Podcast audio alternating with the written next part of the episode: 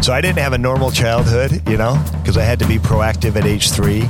Yeah. And I had to think win win at age four and listen empathically at age five. In de wereld van businessboeken zijn er boeken die je gelezen moet hebben. Boeken waar iedereen het over heeft. En boeken die je liever laat liggen. Thijs Peters en Remy Gieling gidsen je door de jungle van nieuwe businessboeken. In de Business Books podcast. Dames en heren, welkom bij de 16e aflevering van de Business Books podcast. De podcast die je bijpraat over de beste, leukste en meest leerzame businessboeken van het moment. Mijn naam is Thijs Peters en naast mij zit Remy Ludo Gieling, hoofdredacteur van managementteam en Sprout. En achter de knoppen zit Max Schuiling van voicebooking.com. Ja, in deze aflevering niet alleen maar de beste, leukste en mooiste businessboeken, maar ook de saaiste. Dat hoor je zo meteen. Wij bespreken namelijk vandaag hoe je geld ophaalt bij durfinvesteerders uh, aan Sand Hill Road. We spreken met de zoon van Weilen, guru Stephen Covey duiken we in het leven van een van de meest succesvolle managers van deze eeuw en de saaiste, Tim Cook. En leren we uit het falen van startup Peerby. Ja, maar Thijs, allereerst hebben we nog reacties van luisteraars. Nou, ik kreeg uh, veel uh, vragen vooral van wanneer komt die volgende aflevering uh, nou? Van mijn familie, hè? Daar hebben we het al vaak Ja. over. Maar ook van collega's en zo. Van ja, het duurt eigenlijk een beetje te lang. En, en een vriend vrijdag ook van, hé, ik zit al twee we maanden te hebben wachten. ook gewoon verschrikkelijk verzaakt, Thijs. Want deze Ja. aflevering lag voor mij al een maand op de plank. En door allerlei events, verhuizingen en reisjes eh, is hij er niet van gekomen. Ja, we hebben een live interview uit juni. Hè? Ja, goed.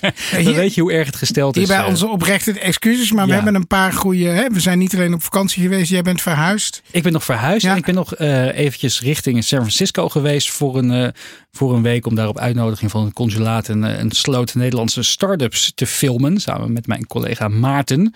En daar sprak ik ook een fan van de podcast. Kijk. Dus we hebben nu volgens mij eh, China gehad. Eh, eh, ik geloof dat we Ierland hebben aangetikt. Zuid-Afrika. Zuid-Afrika en dus nu ook de Bay Area. Nou ja, nog meer goed nieuws, Thijs. Je bent ZZP'er af. Je bent gewoon weer in loondienst. Ik ben gewoon weer loonslaaf. Ja, ja. Blijf dit overigens wel doen, hè? Eindelijk die, eindelijk die ZZP-fuik uit. Nou, ik, was er eigenlijk, ik vond het eigenlijk nog wel leuk, maar ik kreeg een kans om, eh om hoofdredacteur te worden bij Good Habits, met een Z. Eh, een eh, bedrijf dat online trainingen maakt. Als je En, dat nu eh, bij, bij, tegen vrienden en familie vertelt, moet je dat ook altijd zeggen. Met een Z, want dat Ja. ken ik van de reclame. Ja, ja, eigenlijk wel. Eigenlijk wel, hè? Ja. Dat was dan een reden van ik dacht, Hmm. dat was het, het laatste twijfelgevalletje. Wil ik wel werken bij een bedrijf met een Z? Ja. Nou ja, Het is toch gelukt. Hoe bevalt het zo voor? Eerste paar weken gehad. ja, het is echt leuk. Ja, Wat doe je er? Ik eh, ja, ben eigenlijk een soort hoofdredacteur. Dus ik heb eh, redacteuren. Ik heb een, eh, een, een, een, een team dat documentaires maakt. En eh, wij moeten gewoon zorgen dat die trainingen Ja, zo leuk worden. wat, dat wat je is het echt voor de van- mensen die BNR niet luisteren? Eh, het is een, eh, nou, een online trainingen voor bedrijven. En eh, ze maken die weer. die E-learnings. E-learnings, ja, zo, sowieso moet je het zeggen. E-learnings voor ehm, eh, grote bedrijven op nou, leren presenteren, zakelijk Engels. Eh, maar ook mindfulness, eh, echt van alles. Allemaal dingen waar iedereen wat aan heeft. Dus En, en, zijn- en, en waarom zou ik als bedrijf daar een, dan een, een, denk ik een licentie op nemen? Omdat die trainingen eh, natuurlijk net zo goed zijn als onze podcast. Hè? Ja, precies. Er werken precies. dezelfde goede mensen aan. Zo moet je het zien. Inderdaad, we gaan door naar het allereerste boek. Secrets of Sand Hill Road van Scott Cooper. Venture Capital and How to Get It. Je hebt het gelezen, Ik heb het gelezen. En Wat zeggen de recensenten? Worth far more than its cover price. I wish I had it available to me when I was first looking for startup funding. En dat komt uit het voorwoord. Dat is geschreven door Eric Ries, auteur van The Lean Startup. En we hebben hem ook een paar afleveringen terug in de uitzending gehad. En eh, een andere op de achterkant is The Definitive Book on Navigating Venture Capital. Dat die komt van Eric Smith, former executive chairman en CEO van Google. En nu vraag je je natuurlijk af, ja, waarom heet het The Secrets of Sand Hill Road? Nou, Sand Hill Road is eigenlijk een vrij pietluttig straatje in, eh, in Palo Alto, midden in het hart van, van Silicon Valley. Het is een, een, een lange weg om de hoek bij de Universiteit Stanford. En ja, het enige wat er staan is een paar, paar, paar, paar bescheiden kantoorgebouwtjes. Maar het is de allerduurste real estate van Amerika. Waarom is dat? Omdat alle grote venture capital partijen aan die straat zijn gevestigd. Het is dus synoniem geworden voor het, eh, voor het groot kapitaal in Amerika. En uh, aan die straat is, uh, is, zijn meerdere bedrijven gevestigd, maar zo ook Andreessen Horowitz. Het bedrijf wat, zo, wat zo lastig uit te spreken is dat ze het ook zelf hebben afgekort naar A16Z. He, dus de A van Andreessen en de Z van Horowitz zit 16 tekens. En de auteur, Scott Cooper, is een van de allereerste werknemers van dat, uh, van dat fonds. Een van de meer bekendere fondsen. Ja, die Mark Andreessen, dat is de oprichter van uh, Netscape, toch? Is, ja, ja, in 1995 ging Netscape Navigator. Toen uh, na 18 maanden al naar de beurs. Eerste echte werkende internetbrowser. Ja, nog voor. Uh, en die is helemaal kapot gemaakt door Internet Explorer daarna. Die natuurlijk daarna weer is ingehaald door Google Chrome. Maar hij was een van de oprichters uh, daarvan inderdaad. En daar had hij zijn eerste kapitaaltje mee, mee verdiend. Ik weet, heb je dat nog gebruikt? Die, uh, ja, zeker. Ja. Zo'n zo, zo mooi uh, stuur, hè? zo'n scheeps. Ja, zo'n scheepse, scheepse werf. Ja, was een was, was echt al een goede, goede browser. Was een mooie browser. En was het beter dan Internet Explorer in het begin, maar zoals ja. zo vaak. Wet van de remmende voorsprong. Nou ja, toen was, was er nog geen wetgeving die, uh, die softwarebedrijven dwong om dingen open te stellen. Dus Windows heeft gewoon. Ze kapot gemaakt. Iedereen Internet Explorer door de, door de strot geduwd destijds. Ja. Zoals nu Google eigenlijk hè, op vele manieren probeert Chrome de Ook standaard weer, te maken. Ja, een van de dingen die hier uh, in naar voren komt is bijvoorbeeld een leuk feitje. Wie zou je als eerste VC ooit kunnen omschrijven? Ja, ik, ik denk uh, de, de, Verenigde Oost-Indische Compagnie, de VOC, die dan die schepen, hè, de ja. geld stak om die schepen naar India te sturen. En dan, het zat er nog iets, zat er voor mij nog iets voor zelfs. Het, het, wordt door veel mensen gezien als, als Isabella van Spanje. Die natuurlijk uh, de, de, de risico-ondernemer Christ, uh, Christopher Columbus geld en middelen gaf om een krankzinnig doel na te streven. En daar een asymmetrisch voordeel uit heeft gehaald. Dus de, de, eerste visie ter wereld was vrouw. Dat is thumbs up. Dat moeten we meer ja. zien deze dagen. Nou, in het boek beschrijft die Scott eh, Cooper ook, uh, he, krijg je echt een inzicht van hoe denken uh, VC's. En bijvoorbeeld Thijs, waar zou je denken dat, uh, dat het belangrijkste is waar een VC op inhaakt? wat is belangrijk als jij als ondernemer geld wil ophalen? Wat moet je dan verkopen aan ze? Ik denk, denk volgens mij kijken ze als eerste naar een team. Van team. Wat voor mensen zitten daar? Ja. En zijn die in staat om dit bedrijf tot grote hoogte te brengen. Ja, team is nummer twee, dus je, je zit close. Nog iets anders? Je moet een beetje een mooie product market, market ja, fit hebben. Je product moet, moet, enigszins uh, een beetje, een beetje ja. schaal hebben. Maar het belangrijkste is wat hij beschrijft is hoe groot is je uiteindelijke markt? VC's zijn namelijk niet om, uh, om hun kapitaal te verdubbelen. Ze moeten om een beetje een rendabel fonds te hebben voor hun eigen investeerders. Moeten ze de, de, de, echte, ze gokken op uh, 10, 20, 30 ex-bedrijven. Dus je moet laten zien dat de marktpotentie voor jouw bedrijf gigantisch is. Dan zie je ook wel dat het boek het tikkeltje Amerikaans is. Want uh, in dit boek beschrijft ze ook dat zij niet investeren als je bedrijf niet de potentie heeft om een paar honderd miljoen dollar uh, waard te worden in tien jaar tijd. Dat zijn niet echt, dat zit niet echt in de, in de hearts en minds of de Nederlandse ondernemers nog. Maar het is wel een belangrijke iets om rekening mee te houden. Ook als je in Nederland geld wil ophalen. Hoe groot is je marktpotentie? Dat is waar ze echt allemaal naar kijken. Was het een leuk boek? Nou, meneer Cooper, die zegt zelf al aan het einde van het boek: Nou, je, je hebt je doorheen geworsteld. Uh, ga alsjeblieft op zoek naar een hobby. Ja, het is echt een, een, een werkboek. Het is leuk opgeschreven, dat absoluut. En hij heeft best wel een beetje humor en zelfspot. Maar ja, het is gewoon keiharde kost die je als ondernemer tot je moet nemen. En uh, dus, dus, uh, dus nou, voor, voor wie is het? Ja, ondernemers nu, binnen nu en vijf jaar op zoek naar groeikapitaal. Um, cadeautje of kopen. Het echt voor jezelf kopen. Je doet hier niemand een plezier mee als je, als, als, als, als je dit, dit toewenst. En uh, tot slot, wanneer moet je het lezen? Dit moet je gewoon overdag doen. Dus uh, sluit jezelf op in een hok. Een paar uurtjes, kopje koffie erbij. Uh, mindful muziekje op de achtergrond en, en ram er even doorheen. Want het is echt gewoon noodzakelijke kennis. Oké, okay, voor ondernemers dus. Boek 2. Hij schreef het boek Seven Trap Tales: The Seven Hidden Obstacles to Success. Het schrijven van die businessboeken kreeg hij met zijn genen mee, want we spraken met David Covey, een van de zonen van uh, Stephen Covey, toch wel de oergoeroe. Welcome David. Thank you. Thanks for having me. Many people know your family name because of your father. We already yep. mentioned him. Yeah. And I think almost all of our listeners will have the book, uh, The Seven Habits, uh, somewhere yeah. on their, a bookshelf, yeah. In, in, in their house. Um, can you tell us what it was like growing up with Stephen Covey as a father? Yeah. So it was, it was, it was great. In some aspects and very challenging in other aspects. So I didn't have a normal childhood, you know, because I had to be proactive at age three. Yeah. And I had to think win win at age four and listen empathically at age five. I, I, I'm kind of teasing, but only only just. but uh, no, yeah. So He, it's he, he was very strict in, in in like practicing his own. well. I mean, he, he he had a lot of kids, so he could practice his content with his family before he went out to the market. Yeah, yeah, yeah. uh, no, How but many brothers and sisters do you have? so I have eight. Eight. Right. Yeah, so I'm one of nine. So we were like the guinea pigs, you know, uh, at home. But uh, no, so it, it, look, it was great. I went through I went through so many training programs and saw other people go through training programs, the Seven Habits, and a lot of the people, some of the people would be older people. You know, maybe they'd be 60 or 70 and they'd say, Man, I wish I had this when I was 20, you know, or 30. This would have made such a big difference in how I thought about my life and what I did and the choices I made. So I was always grateful. For me, Seven Habits was a philosophy growing up.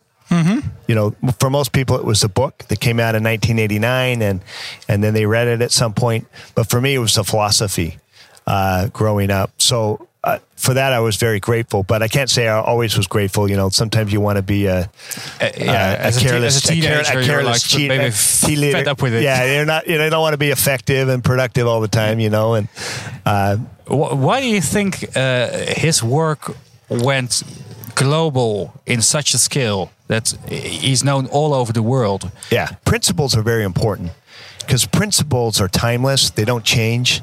You know, it's like uh, it's like the law of gravity. You know, people know it. You can say, "Well, I don't care about the law of gravity." Well, it doesn't care. You know, it, it- you're going to have to still follow it. Yeah. So I think my father identified some basic principles of human interaction, human effectiveness, that he touched upon. And it resonated because uh, it wasn't, you know, even though he was an American, you know, it was it was global, and it was He was basically the, the, the, the, the godfather of productivity. yeah, exactly. And, and and there's a lot of people that I've known because I set up the international operations, you know, that came from different uh, countries and cultures and religions and backgrounds, and they would say, "This is what I was what I was brought up with." You know, this this is what I was taught. And uh, and and they would be you know Christian or Muslim or Buddhist or you know any any different religion or culture or background, but it was because he was tapping into principles and helping people understand the basic principles that that operate. Can name maybe one or two key lessons that he learned you personally, besides his well-known uh, work? That, that I learned. yeah. Yeah. So I, I would say the first one would be uh, what we often refer to in our family as R and I. R and I stands for resourcefulness and initiative. Uh, I, I've set up my own business for the first couple years, really, really hard. You know, like any new business, struggled. Uh, didn't really have the cash. Didn't Never able to pay our money. You know, and I had seven kids. you know, and someone would say, "You're crazy. Why did you leave? You know, Franklin Covey, to, you know, to set up your own business?" Well, I had a lot of belief in what this would do and how this could change the world, but uh, I had to continue to, to to to show resourcefulness and initiative to make things happen. Covey was kind of the, the the man who invented productivity, but it, it- there will never be a next Covey. But who do you admire right now? Yeah, I mean, I, I'd put David Allen in that. You know, I mean, he's very. He reminds me very much like my father. He's uh, he's a wise person. He's very reflective, uh, and he's not trendish. You know, he he, he, he- he he's about uh, helping people understand the world we live in and giving them tools and uh, and methods to be able to be successful. Thank you so much My for the pleasure. interview. Yeah, thank you for having me. Ja, dan gaan we door naar het derde boek. En dat is de biografie over de man die Apple naar een hoger niveau tilde. Het gaat over Tim Cook, geschreven door Leander Keney. Thijs, wat zeggen de recensenten? Ja, ja, nou, de Wall Street Journal zegt een veelzijdig verhaal. Poeh, Eh, houd niet op, hè? Houd niet het op. houdt niet over. Eh, en dan de Sunday, vast. de Sunday Times, die schrijft... This book makes Tim Cook, Apple CEO, sound like God himself. Eh, Dat wel, gaat ook weer een beetje ver natuurlijk. Ja, nou ja, maar ik kreeg dit boek in handen. Het ligt volgens mij ook gewoon in veel boekwinkels. Hè, bij de Ja, ik zie hem vaak, en, eh, ik kom wel eens tegen. En ik dacht, ja, dit is toch de CEO van een, het inmiddels op één na meest waardevolle bedrijf ter wereld. Hè? Want eh, Amazon heeft Apple inmiddels ingehaald. Maar ja, het is wel een, man die iets enorm heeft eh, gepresteerd. Hij kwam in 2011 kwam hij bij Apple als opvolger. Hij was al langer bij Apple werkzaam, maar hij was die opvolger van Steve Jobs. Die toen al heel ziek was en snel overleed al. En eh, ik kan mijn, zijn eerste keynote, kan je die nog herinneren? Dit was een drama. Het was een soort was, was ongemakkelijkheid ten over. een gekreukt hemd. En hij probeerde een soort slechte imitatie van Steve Jobs te geven. En in de maanden daarna eh, dacht iedereen eigenlijk, ja, deze meneer Cook is hartstikke leuk. Waarschijnlijk een hele goede manager. Maar eh, dit is het einde van Apple als een eh, groot succes. Ja, dat Een succes paar jaar later. is een paar jaar later elke keer wel voorspeld. Maar elke keer kwam, ging het toch weer beter met Apple. En deze, deze man heeft Apple eigenlijk tot dat meest waardevolle bedrijf ter wereld eventjes gemaakt. Niet Steve Jobs. Dus Ja, want onder Steve Jobs was hij ook al werkzaam bij Apple, ja, toch? hij, hij is in 1998 is hij, eh, bij Apple gekomen. Daarvoor werkte hij eerst bij IBM en later bij Compaq. Hij is bij Compaq weggehaald door Steve Jobs. Omdat hij een ongelooflijk goede eh, eh, operationeel manager was. Als je iemand die logistiek wil laten regelen, Tim Cook. En ook salesproces en zo is hij heel erg van. Hij is echt een, een man van de operatie. Een man van de het, het feit dat, dat, dat de hoofddesigner Jonathan Ive nu is weggegaan, schijnt ook te maken te hebben dat deze man werkelijk waar geen enkel gevoel voor producten heeft. Maar gewoon echt een, een, een man is om operaties te leiden. Nou ja, het is, het is wel grappig, want eh, eh, Jobs wordt natuurlijk gezien als de man die Apple gered heeft. Maar Jobs is ietsje voor eh Cook binnengekomen als CEO ad interim. Pas na twee jaar in 2000 heeft hij dat ad interim laten varen. En eh, Jobs had wel mooie ideeën over nieuwe computers en dingen, maar het was operationeel een zooitje. Ze hadden eigen fabrieken in Californië. Nou, die, dat, dat, dat was veel te duur. Hij heeft ervoor gezorgd dat al de productie naar China ging. Hij heeft ervoor gezorgd dat Apple niet zoveel eh voorraden maar aanhield. Hij zei altijd: een computerfabriek is als een melkfabriek. Als je te veel voorraad aanhoudt, zijn op een gegeven moment je producten over datum. Dus hij is eigenlijk ook een beetje naar het voorbeeld van Dell en Compaq, waar hij zelf vandaan eh, eh, kwam, heeft hij alles heel erg strak getrokken. Lean en mean. Ja, hij heeft eigenlijk voor die hoge marges van Apple, daar is hij eigenlijk eh, de man van. Wat, wat, wat mij wel verbaast is, Steve Jobs was natuurlijk een cultfiguur. We wisten veel over hem. We wisten ook veel over zijn verleden. Ook mede door die biografie die na zijn dood zijn verschenen. Maar Tim Cook, we weten eigenlijk heel erg weinig van die man. Wat hem drijft, waar, die, waar, die, waar, waar komt hij vandaan, waar wil hij naartoe. Hè? We weten dat hij, eh, we, het enige wat we weten is dat hij van de herenliefde is. En dat hij volgens mij ergens uit het Midwesten komt eh, uit, aan zijn accent te horen. Wat leren we van, over deze man in dit Ja, boek? Niet zoveel. De beste man is geboren in Alabama. Nou, precies. Dat verklaart zijn accent een beetje. Eh, als zoon van een arbeider. En hij deed heel erg zijn best op school. En was een goede student.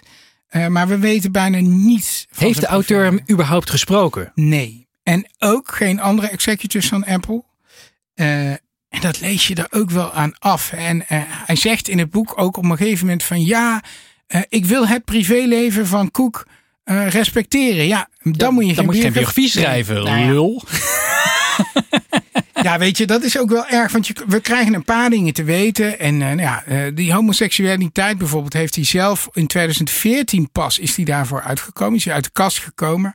eh, in een zelfgeschreven stuk. Omdat hij het belangrijk vond om een signaal te geven aan andere eh, eh, gay people. Dat die ook zich niet meer zouden verstoppen. En hij zei, ik heb het wel verteld aan mijn directe collega's. Maar, maar goed, dat, dat heeft eventjes een soort een paar artikelen over zijn privéleven. Maar dat was het ook. Want de beste man woont waarschijnlijk nog steeds alleen. Maar dan ben ik toch benieuwd. Wat we wel weten is dat hij heel monomaan werkt. Eh, hij stuurt mailtjes om vier uur s'nachts. Maar hij staat altijd om zes uur op de in, de, in de sportschool om even goed. eh, dus hij is ook heel sportief. Het doet me een beetje denken aan, aan een soort van Amerikaanse versie van Mark Rutte. Niet dat Mark Rutte van, van, van, van de mannen is, per se. Maar eh, ook gewoon, weet je wel, hij woont alleen. Alleen maar aan het werk, Ja. de hele tijd maniacaal bezig met, met een soort hoger doel. Lijkt het wel? Ja. Ja, nou ja, hoge doel, dat vind ik wel leuker. Want eh, de auteur heeft ook veel over Apple gelezen. Hij werkt ook bij Cult of Mac, geloof ik. Vroeger bij eh, The Guardian, maar nu bij Cult of Mac. En eh, hij het stipt ook de foute kanten van Steve Jobs, waar we allemaal mee bekend zijn. Die man was heel kleurrijk, hè? die weten we. Hij schold zijn personeel uit voor assholes als hij ze niet goed vond. En Flikkerde je de, de deur uit eh, als het niet... dochter eh, ja, eh, decennia lang niet willen erkennen. En, eh, en, en, en gaf geen zier om het milieu. Want hij reed in de dikste Audi die hij nu kon krijgen. En eh, hij was ook niet bezig met arbeidsomstandigheden in China en zo. Eh, het deze auteur die zegt van en diversiteitsbeleid doen we ook niet aan als we maar mooie apparaten maken. En deze man die zegt ik ja, eh, een koek is heel anders. Die geeft om mensen, die maakt Apple het meest duurzame bedrijf en bladibladibla. Van eikelpoetserij. Die man zoekt, is op zoek naar een baan. Nou ja, dat, ik dacht deze man wil heel graag communicatiemanager bij, eh, bij Apple worden. Want het is wel zo dat Meer is gaan doen aan diversiteitsbeleid en duurzaamheid. Maar altijd in reactie op. Hè. Dan kwam er een schandaal. Bij het New York Times had uitgezocht. Of op een gegeven moment had je eh, bij Foxconn, die grote fabriek in China. Waar op een gegeven moment de arbeiders zo hard moesten werken dat ze doordraaiden en van het gebouw afsprongen. Ze van die netten van ophangen. die netten omhangen in plaats van de werkomstandigheden eh, verbeteren. Praktisch. En toen heeft, heeft hij inderdaad wel wat gedaan. Maar het was een beetje reactief. Dus het, ja, ik denk waar, waarom. En in plaats van eh, daarop in te gaan, gaat hij Apple lopen verdedigen in dit boek. En dan zegt hij. eh, en dan gebruikt hij niet de reactie van Cook, want die heeft hij niet, die heeft hij niet gesproken. Nee, gebruikt hij persberichten van Apple. En hij bedankt ook de, de persafdeling van Apple uitgebreid. Oh god. Dus eh, Hoe, wat, het is nog een dik boek ook. Hoe ben je hier doorheen gekomen? Het was heel lekker weer. En een biertje erbij. Ik zat in de tuin, toen ging het wel. Weet je, conclusie van dit boek. Cook is een briljante manager. Een van de allerbeste. Eh, maar- waarom? Maar Weet dit niemand. boek leert ons niet waarom. De man blijft onzichtbaar. Dus eh, bij deze ook de Business Books podcast. Niet alleen maar over de beste, leukste en meest leerzame businessboeken. Maar ook gewoon lessen uit de boeken die je niet moet We lezen. hebben ooit afgesproken dat we dat nooit zouden doen. Maar ik vond dit eh, de enige biografie van een van de beste managers Daarom. ter wereld. Moeten we toch En lezen. de cover zegt heel aansprekend. Maar ik als dacht je ook van ik wil hem lezen. Ja, ja, die is natuurlijk heel Mooie, erg. Lijkt heel ja, erg op de foto. foto van, Van Steve Jobs. En de, Van de Walter biografie Isaacson. van Isaac, Isaacson. Ja. Echt, Walter Isaac. Isaac? Isaacson. Ja, echt fantastisch boek. Ja, het is zo goed. Oh, maar goed, voor wie is dit boek? Ik denk voor mensen die graag bij Apple willen werken. eh, zoals de auteur van het boek zelf. Of voor Mac-fans. Mhm.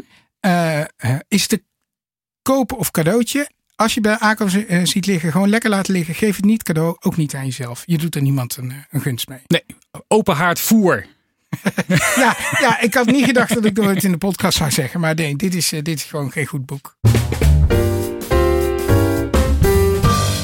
Dan gaan we door naar het laatste boek van de uitzending. 99 redenen om te stoppen en toch door te gaan. Geschreven door Daan Weddepol, CEO van eh startup Peerby. Wat zeggen de recensenten, Remy? Nou, dat is moeilijk te vinden, want ik heb er niet zoveel eh, kunnen achterhalen. Ze staan niet op de voorkant, nog op de achterkant. Ik, de enige die ik heb kunnen vinden was er eentje bij, eh, bij bol.com van ene Rolf. En die zegt, leuk boek, vol met echte verhalen. Vertel ons trouwens eerst even Peerby. Wat was dat ja, ook Peerby, alweer? wat was het ook alweer? Het was een eh, ge- gelauwerde start-up uit Nederland. Heeft op een gegeven moment eh, een ton gekregen van de Postcode Lottery Green Challenge. Mocht meedoen aan internationale scale-up competities. En hun doel was eigenlijk om overconsumptie te verminderen. Doordat je eh, spullen die je niet zo vaak zou gebruiken van je buren kon lenen. Eh, weet je wel, hamers, boren, harken. Ze- hij beschrijft ook in het begin van, van een gemiddelde boormachine wordt in zijn hele levensduur maar eh, 13 minuten effectief gebruikt. En met alle boren eh, van, die, van die metaalboortjes hè, die, eh, die in, eh, of steenboren die in Nederland verkrijgbaar zijn, kan je in elk huis duizend gaten kunnen maken. Dus we hebben met z'n allen gewoon veel te veel spullen. En daar moeten we vanaf. En Peerby zou daar de oplossing voor zijn. Weet je, hoe doe jij dat? De boormachine van je buurman lenen? Ik, Eh, ik bel meestal aan. Ja, kan hè? Ja. Ja, dat is ook nog een dingetje. Direct contact. Ja. Ook fijn voor de sociale cohesie in de buurt. Ja. we hebben gewoon een WhatsApp groep in Oh de ja, buurt. WhatsApp groep uh, Nextdoor tegenwoordig. Ja. Hè? Mijn kat was laatst kwijt. Ik kon, kon Nextdoor kon ik weer terug, uh, terug, uh, terugvogelen.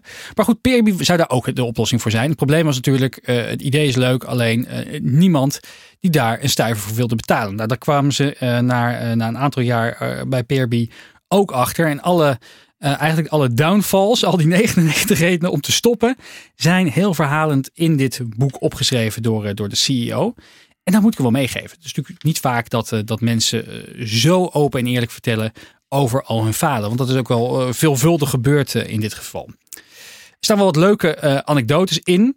Eh, zo had hij op een gegeven moment dat Daan, eh, of eh, had meneer Weddepol, had op een gegeven moment eh, had hij eh, dan toch een visie zover gevonden om er geld in te stoppen. Nou, allemaal gedoe, gedoe, gedoe, gedoe. Maar toen was hij op dat moment in New York en moest een contract tekenen. Alleen op dat contract moest een tweede handtekening staan.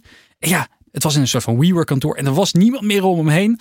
Dus moest het eh, meisje achter de receptie moest een tweede handtekening zetten voor een funding eh, van een paar, een paar miljoen. om die vervolgens terug naar, eh, naar, eh, naar, eh, naar Frankrijk te faxen. Hij heeft het toch nog gevierd, hè? Hij heeft toch nog, eh, ja, hij heeft ook nog gevierd met, eh, door hem zichzelf te trakteren op een eh, hamburger en een milkshake. Want in Nederland sliep iedereen al. Dus dan kon je met niemand kon je het, eh, kon je het vieren. Tot zover het glamorous leven van een... eh, Ja, en, en, ja, het, het, het zit hem ook niet mee. Op een gegeven moment heeft hij dan weer een klein beetje de weg omhoog gevonden. En is, gaat de CTO, die hij net een half jaar geleden had binnengehaald, gaat, eh, vertrekt toch weer naar een ander kantoor.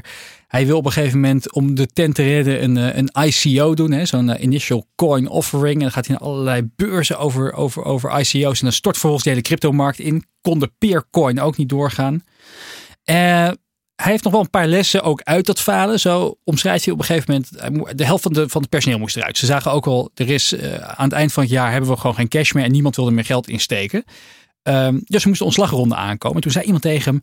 eh, let op, na een ontslagronde gaan alsnog de helft van je mensen gaan weg.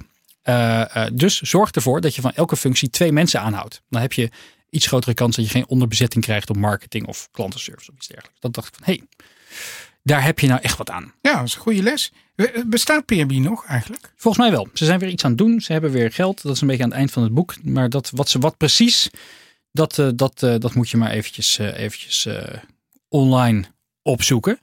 Ik heb ook nog wel een paar minpunten van het boek. Want hoewel het ontzettend aardig is dat iemand een keertje zo open en eerlijk wil vertellen over de failures.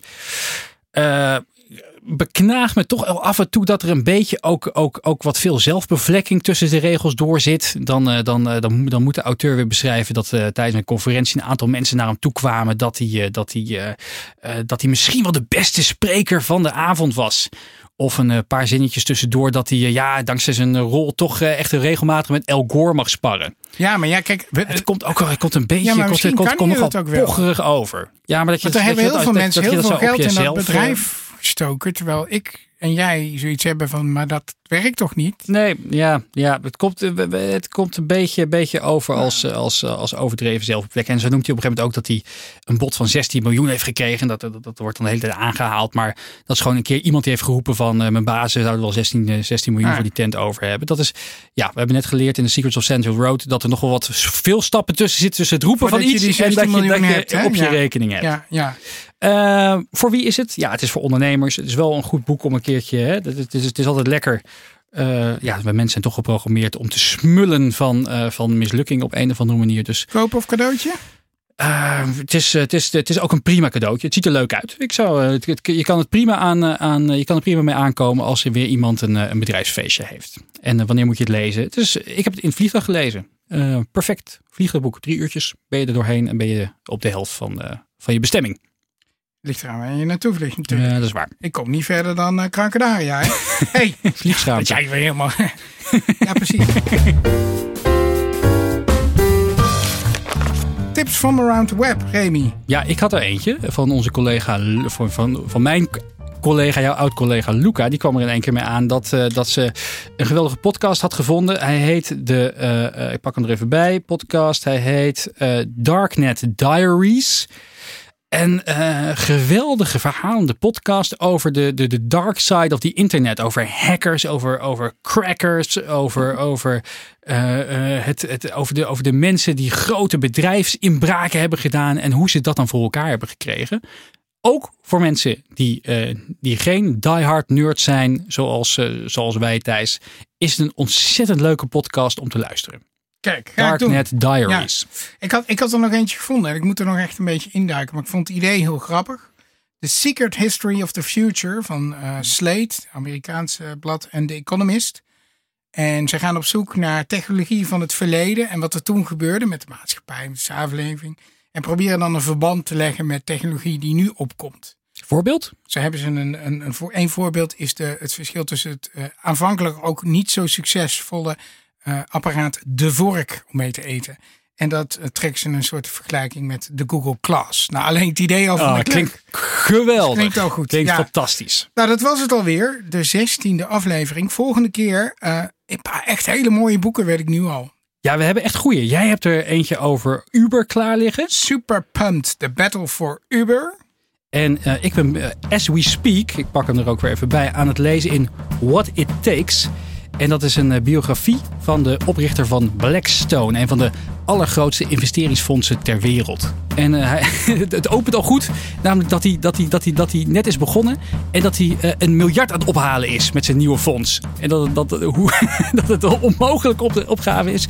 En hoe dat dan toch is, is gelukt. Dus ik kijk er naar uit. Bedankt voor het luisteren. En ja, namens ons beiden heel graag tot de volgende aflevering. En eh, vergeet geen reactie achter te laten op iTunes of Soundcloud. Tot zover de Business Books Podcast. Meer afleveringen luisteren? Abonneer je via iTunes of Soundcloud en krijg een melding wanneer er een nieuwe aflevering live gaat. De Business Books Podcast is een uitgave van Sprout en Management Team en wordt geproduceerd door voicebooking.com.